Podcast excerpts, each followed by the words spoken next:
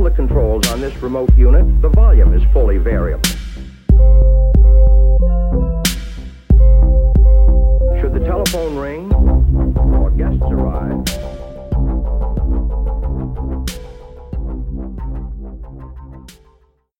Hej, Silvia. Ja, nu heter jag jobbar här på, på Danderyd, eh, IVA också. Eh, Det var tänkt att börja dagen med smärta och det var precis det som hänt, allt strulat.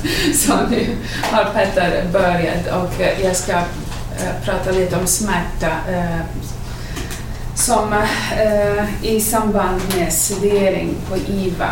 Och det är det som är grejen, vi pratar så mycket om eh, sedering. Men eh, innan man ska tänka om sedering ska man tänka om smärtlindring, om smärta på IVA. Bara när patienten är smärtlindrad, eh, då och, bara om det behövs kan man sedera. Det är någonting som är väldigt svårt för oss narkosläkare därför det är inte så man tänker på operationssal. Eh, då är allt samtidigt och många gånger, ja, det är okej, väldigt djupsövt.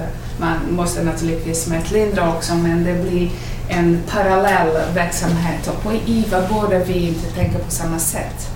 Vi borde tänka först smärta och sen sedering. Inte lätt, i praktiken funkar sådär, men det är någonting man ska ha alltid i eh, bakgrunden. Eh, strategi eh, för smärtlindring. Intensivvårdspatienter har nästan alltid smärta. För, om ingenting annat, bara därför att de ligger i många dagar på, i sängen, försöker att ligga 12 timmar i sängen utan att röra på er Får få se hur, hur det känns. Så man ska börja alltid med analgesi, smärtlindra. Eh, och sedering ska inte vara en substitut för analgesi. Om man har en väldigt bra eh, smärtlindrad patient, många gånger behövs ingen smärta, ingen sedering. Och det finns väldigt mycket eh, gammal men fortfarande aktuellt, eh, evidens för det. Varför får man eh, smärta på IVA? Alltså att bara ligga räcker absolut, men sen har vi många traumapatienter, inte specifikt här på Danderyd men på andra sjukhus, KS och sen allt och vår, vår standard 100 patienter med sepsis, de får mycket smärta. Om ingenting annat från inflammation och från ligga intuberad.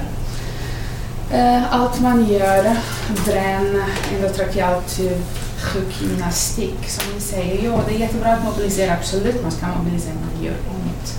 Tänk på det alltid. Så det är sådana uh, eh, grejer först, smärtlindring.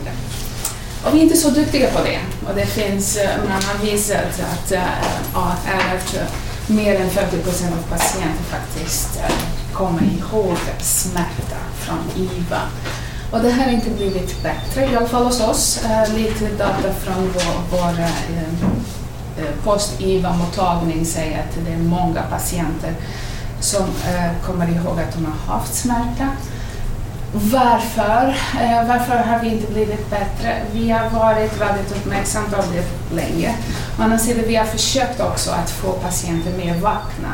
Så det blir där en lite svår balans att patienten faktiskt kommer ihåg eh, mycket mer att de har smärtan kanske nu än de gör det förut trots att de har lika eller mer smärta förut. Så det, man kunde tänka också att patienten nu är mer vaken, kan kommunicera, kan medverka och säga nu har jag ont, men det är inte alltid så. Och man måste vara väldigt, väldigt uppmärksam på eh, alla små detaljer som kan säga och som kan visa att patienten faktiskt behöver smärtlindring. Vi ska prata om det. Eh, det är kvaliteter och smärtskapning är inte så bra idag. Det finns några eh, verktyg eh, som eh, i alla fall teoretiskt används. Eh, jag har lite så att ja, det blir svårt att få det här i den rutinarbetet. Det finns naturligtvis det där eh, NRS, Visual Analog Scale, vad som alla vi känner väldigt bra, men det här eh, kräver att patienten är vaken och kan faktiskt säga vad är 0 till 10. Sen har vi två, i alla fall de mest använda eh, skala för att skatta smärta på IVA i patienter som är inte vakna. Eh, som är Behavioral Pain Scale och den CPOT. Den här Behavioral Pain Scale, ja, det är tänkt för patienter som sagt som är inte vakna. Så man ska tänka på det, det. Eh, när patienten trycker på panna, vad betyder det? Facial expression, upper limbs och sen ventilator. Om patienten har ingen ont normalt sett, det är mycket lättare att andas i takt med ventilator än om det gör ont överallt och patienten är lite agiterad. Så man kan använda det här skala för att skatta. Eh, sen finns det här C-pot. Det är det vi använder här. Jag tror att det är det här som används i alla fall här i Stockholm mer, mest. Och det är samma sak. Det är ansiktsuttryck, kroppsrörelse, lite mer detaljerad och här har lite också möjlighet att uh, titta på patienter som är in, icke intuberade. Så man får lite mer detaljerad uh, information. Om patienten har mer än två poäng, eventuellt smärta som bör behandlas i alla fall, tänka på det om det behövs extra. Det här görs av systrar automatiskt eh, i princip det görs i alla åren. Det är ingenting som, det är inte så att systrar och vi har börjat att titta på smärta nu. Det här har gjorts nu, är mer systematiserat, nu har vi ett verktyg för att säga okej, okay, nu har vi det fem, sex poäng. Nu, sex är väldigt högt, ganska högt i den här skalan. Um, så den här patienten behöver uh, smärtlindring nu. Det är, hur ska vi uh, smärtlindra på IVA opioider, det, det svaret där. Mm. Det finns um, inte mycket mer i alla fall som man vet direkt att det blir effektivt. Så det opioider vi uh, använder. Vi har relativt stor arsenal kan man säga av olika sorts av opioider, långverkande, mm, kortare verkande, extra kortverkande. Jag ska prata lite uh, om det. Uh, opioider ni, ni har väldigt bra koll på. Jag ska inte, det här är inte farmakologi, det här är uh, en klinisk uh, föreläsning så det är inte det som är aktuellt. Farmakinetik, ja, som jag sa. Eh, det har eh, börjat vara alla eh, ganska, ketabemidon har alltid funnits här i Sverige, morfin, oxycodon kommer mer och mer. Och sen de här kortverkande preparat som vi har allihopa. Vi använder inte Sofenta i någonting annat än, eh, i alla fall tror jag, i, en, i eh, epiduraler. Eh, vi ska prata lite om det, de här. Morfin, det, ja, man måste gå ändå till, till farmakogenetik för att eh, tänka klinik också. Eh, dosering ni vet, ni kan i alla fall bolus. Eh, om man pratar eh, infusion, nu det är lite eh, minerat fält därför det finns massor med traditioner kring användning av opiater eh, på IVA. Eh, vi, det finns eh, enheter som använder eh, morfininfusion som använder keta, äh, ketogan, så ketobenmidoninfusion som använder oxycodoninfusion. Jag tror inte att i Sverige oxycodoninfusion inte. Eh, andra gör inte det. Äh, och när det används i jättemånga år, man är väldigt van med det, man vet hur det fungerar, trots att man måste säga att morfin är inte lämplig för infusion. Och anledningen till det är därför att det en ganska eh, lång halveringstid så det är väldigt svårt styrt. Men eh, det har fungerat i många år. Det ska fungera i många år. Alltså, jag. I, i, i, I vana händer så kan man använda vilken opiat som helst. Uh, vi använder morfin ja, på KS. Och det, är, det är extremt sällan som vi, naloxon kommer fram eller en patient blir kvar i resp på grund av det. Men det är för att det finns en vana om man bör, börjar ta ner det. det kan vara, om jag kommer till jobbet och så går morfin fem i timmen på någon som vi pratade om ska exponeras på morgonen. Då är det jag som har missat att berätta det för jouren eller så har jouren missat, skulle jag säga. Eh, Janne Jakobsson stod här och föreläste om postop smärtlindring inom dagkirurgi för, det här är för 15 år sedan.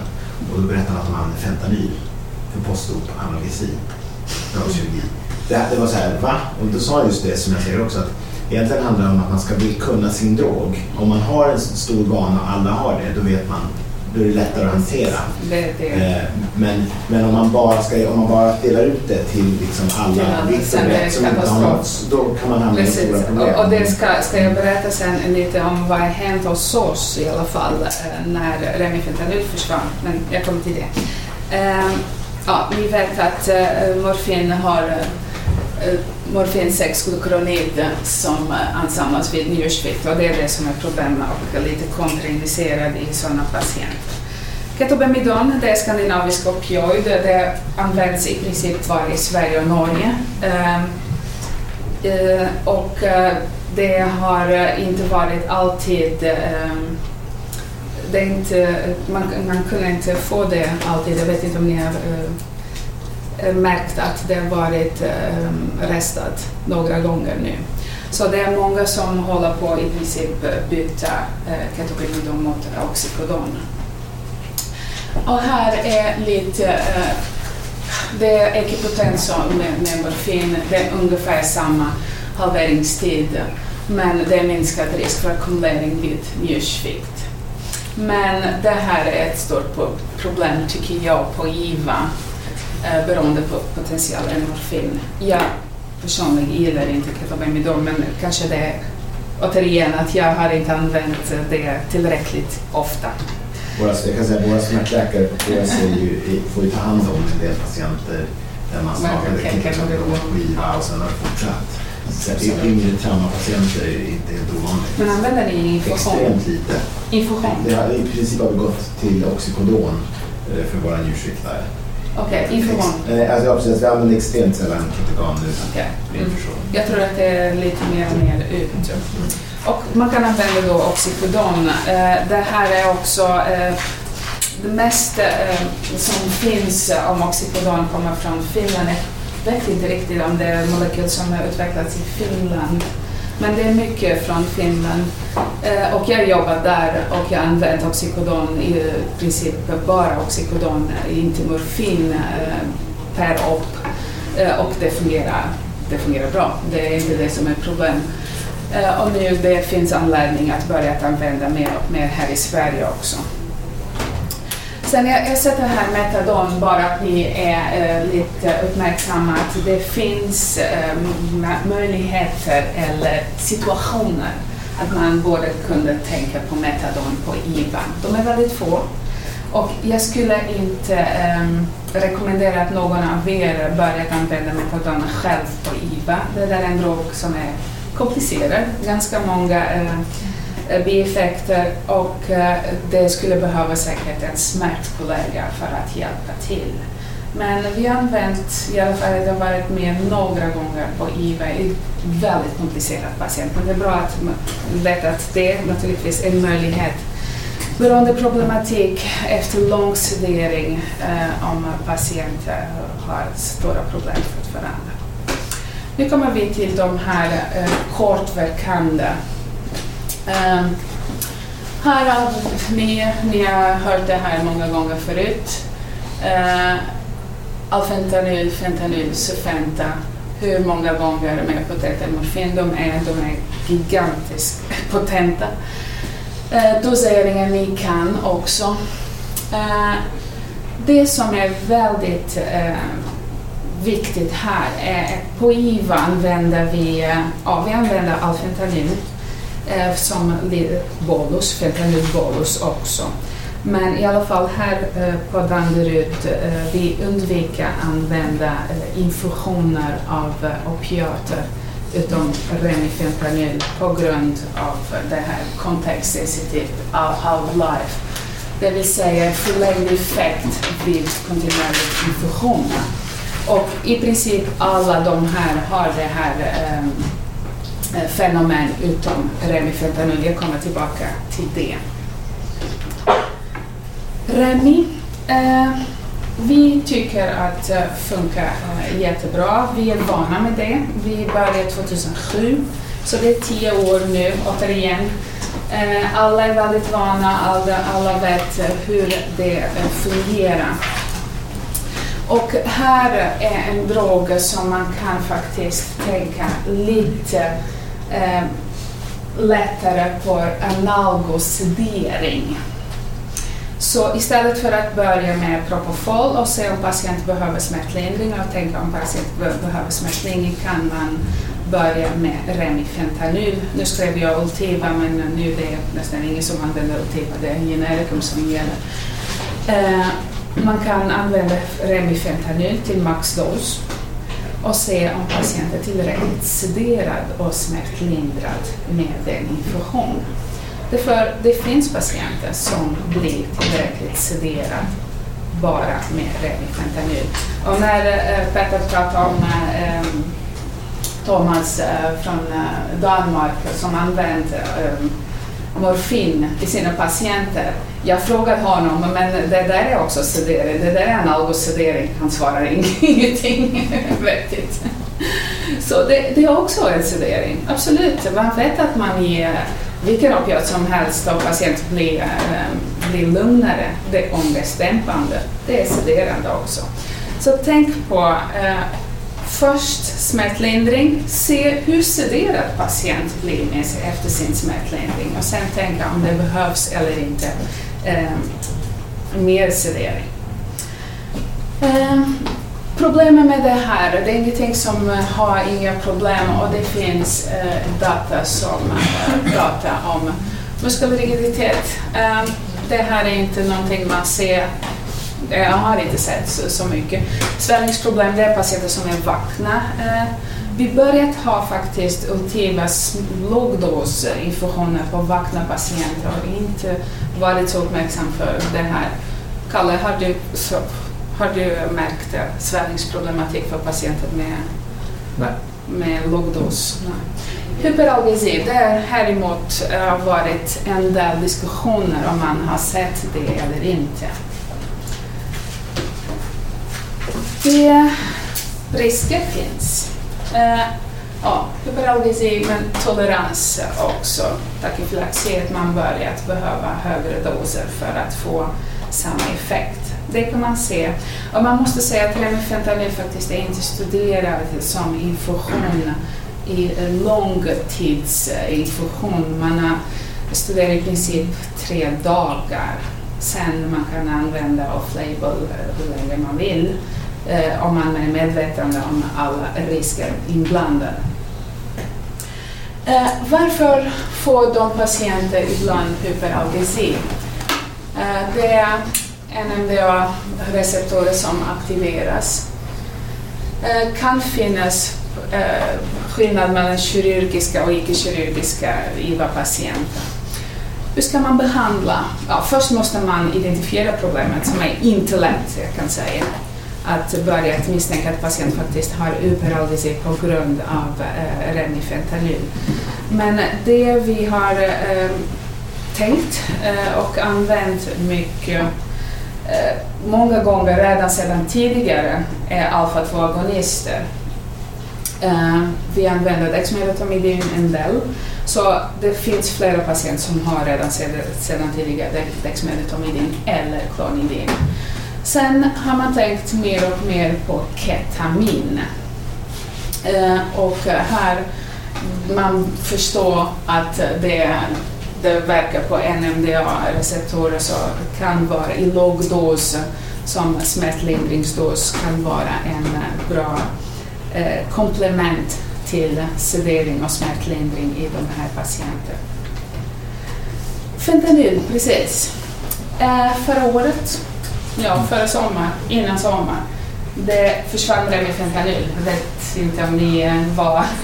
ja, det, det var det var svårt överallt. Det var bara inte IVA, det var säkert ännu mer på operationssal när man var eh, van med tid, protokollet och allt. Eh, och så som vi har använt Remifentanyl i tio år, plötsligt det fanns inte remifentanil Fundera på patienten. Och det är ingen som tyckte att det var bra att ge eh, morfin intermittent i en akut situation. Eh, inte morfininfusion heller, så vi gick på fentanylinfusion. Eh, fentanylinfusion används förut hos oss. Ni använder ni? Nej. Ni, ni ser, det är bara så kort, några kilometer, vi har totalt andra, olika rutiner, speciellt om smärtlindring. Vi gick tillbaka till fentanylinfusion och eh, man kan säga att det var inte många av oss som hade använt fentanylinfusion tidigare. Så det blev eh, återigen nu, det är ingen som kan, nu måste vi bara tänka om, vad gör vi? Och vi märkte att det gick inte rätt alla gånger. Eh, och det är bara så, när man inte kan, när man inte har den erfarenhet inte läkare, inte eh, systrar heller, några kanske, men inte alla. Så vi märkte att några patienter var lite överseverad eh, och hade för mycket fentanyl. Eh, och varför? Nu har jag pratat om eh, remifentanyl och fentanyl. Det här är den eh, kontext, eh, half-life. Det här är eh, infusionstid och det halveringstid, det här är en eh, matematisk teoretisk modell men som fungerar också om man tittar sen eh, i verklighet. Får jag bara fråga, alla, alla, har ni en kläm på den context sensitive half-life? Vad, det betyder, vad man menar? Man menar att beroende på situationen och på vilket sätt man ger en drog så får den olika halveringstider. Väldigt enkelt. Ja en, det är som ni vet att man står och sprutar fentanyl 01, 01 och så har man gett 04 då vaknar patienten imorgon. Liksom. Fast man ger Absolut, det är, inte, det är inte bara med infusions, eh, det är inte bara infusion, det kan vara också med våld som är över tid. Och det man ser är att eh, infusionstid i timmar, fentanyl, den här halveringstid bara blir längre och längre extremt snabbt. Sen finns det däremellan alfentanyl, så fentanyl som vi inte använder i IV överhuvudtaget. Alfentanyl jag har aldrig använt i infusionsform, vet inte om någon annan har.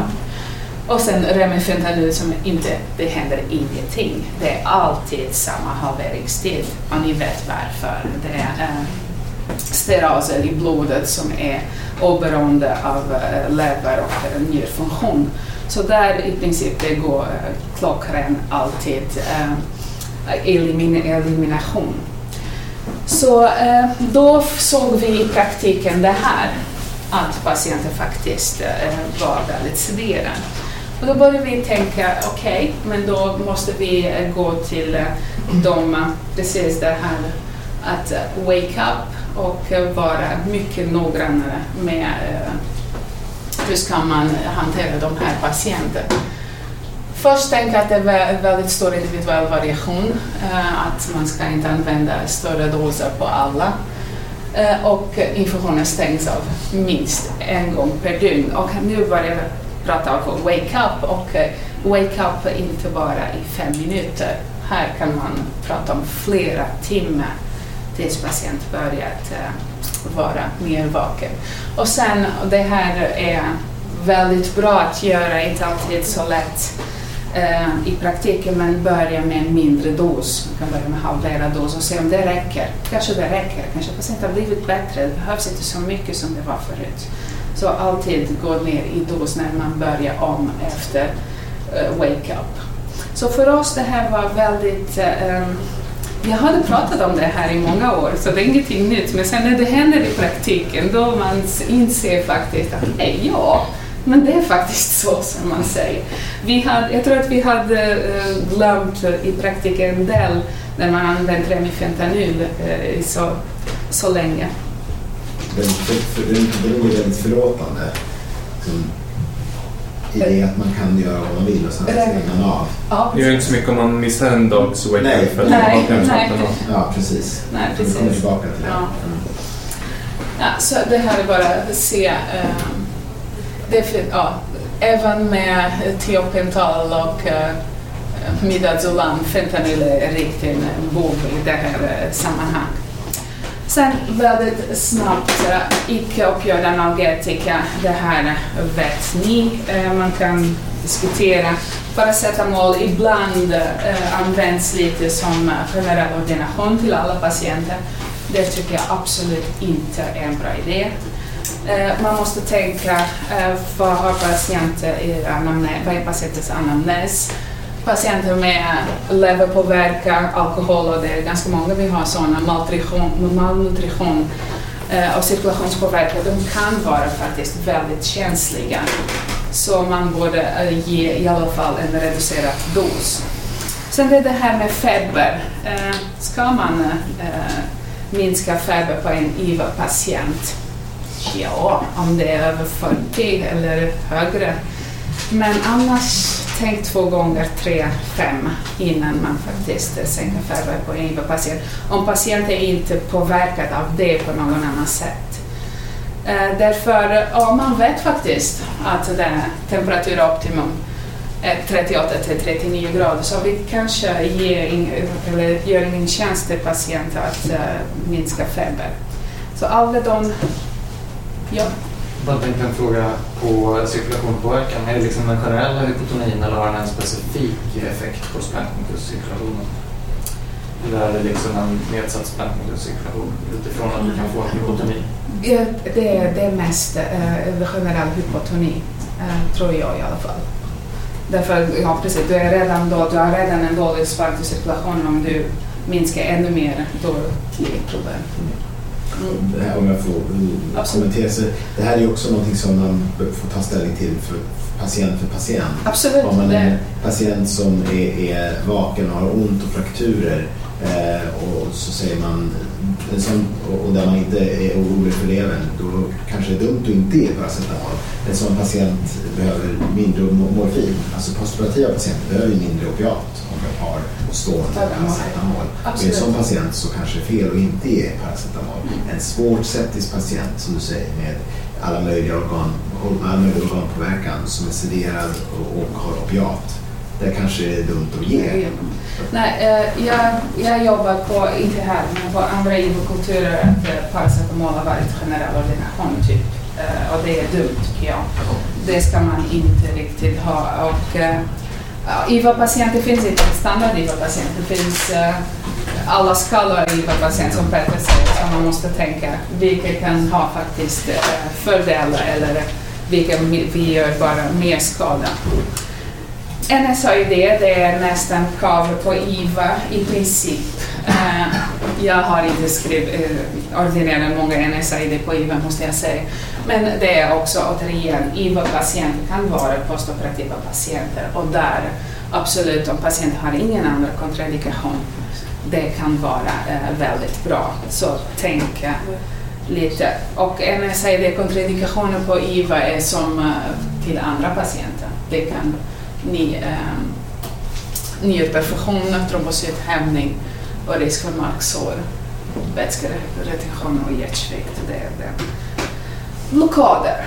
Jag vet inte hur mycket eh, används blockader på IVA, eh, på andra IVA.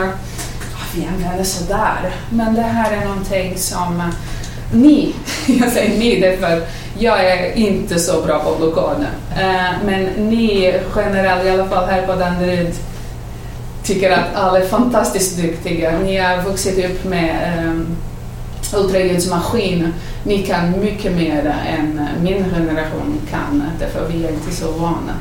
Så um, tänk på det, på IVA. Uh, oh, finns det någon uh, lokal blockad, um, perifer blockad uh, eller någonting annat? Naturligtvis uh, epiduraler tänker vi, ja, det kan jag också. Men andra mer specifika blockader. Eh, tänk, jag tror att ni kan göra mycket mer än det görs eh, idag eh, i blockadbranschen på IVA. Och det här, naturligtvis, jag behöver inte säga varför. En patient som är blockerad behöver inte samma mängd av eh, uh, smärtlindringsredering med alla sina eh, biverkningar. Så mm, det, jag tror att det blir bättre i framtiden. Ketamin. Jag har pratat lite om ketamin eh, som behandling för hyperalgesi. Och eh, ja, det kan användas eh, som eh, smärtlindringsadjuvant. Det görs i smärtpatienter. Jag tror att alla ni har sett sådana patienter. Men det, det finns ganska bra evidens och det kommer mer och mer att man ska kanske använda ketamin också på IVA. Sviktande analgosedering och smärta och eh, ja, doser, det finns studerat. Det är de små doser som eh, har ni sett patienter eh, med ketamininfusion, smärtpatienter på någon annanstans? Ja, och det används eh, generellt tror jag. Tänk på samma sak på IVA också.